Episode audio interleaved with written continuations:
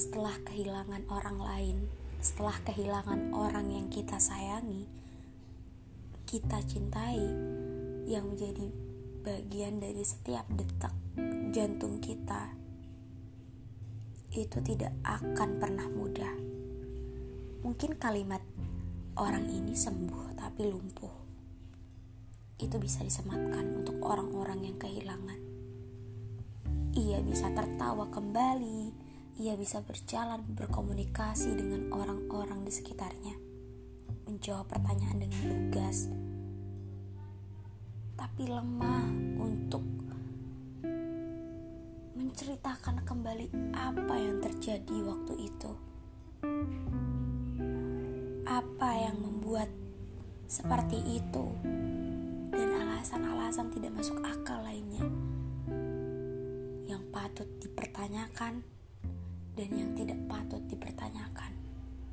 Orang ini menjadi sensitif. Orang ini menjadi mudah menangis, tersentuh dengan hal-hal kecil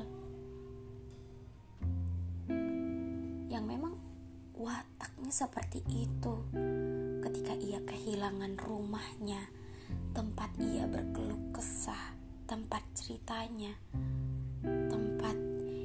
menjadi labuhannya ketika dunianya sedang tidak baik-baik saja.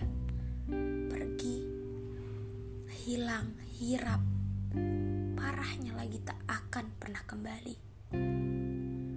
Meskipun mungkin bayang-bayangnya tuh akan selalu ada gitu tapi gak akan ada kata kembali lagi bersama-sama menata, bernafas, bercerita secara langsung. Semua orang boleh mengatakan berpendapat apa pun, tapi untuk orang-orang yang tidak pernah merasakannya, mereka akan lebih Ah, masa seperti itu sudah begitu. Ah, kan itu sudah lama kejadiannya. Hei, kamu tidak tahu rasanya seperti apa mimpi yang berjalan. Seperti mimpi buruk yang terus berjalan. Bahkan mimpi itu tidak ada dalam skenario hidup bahagia.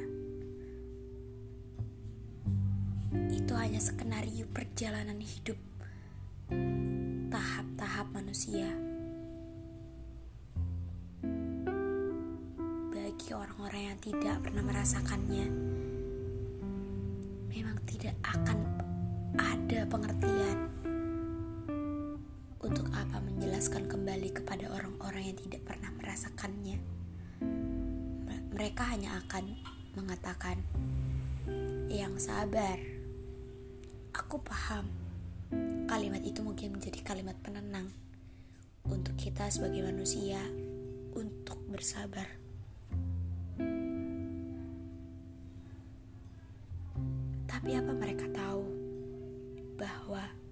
Yang tersulit dari kehilangan orang yang kita sayangi, cintai adalah kehilangan diri sendiri.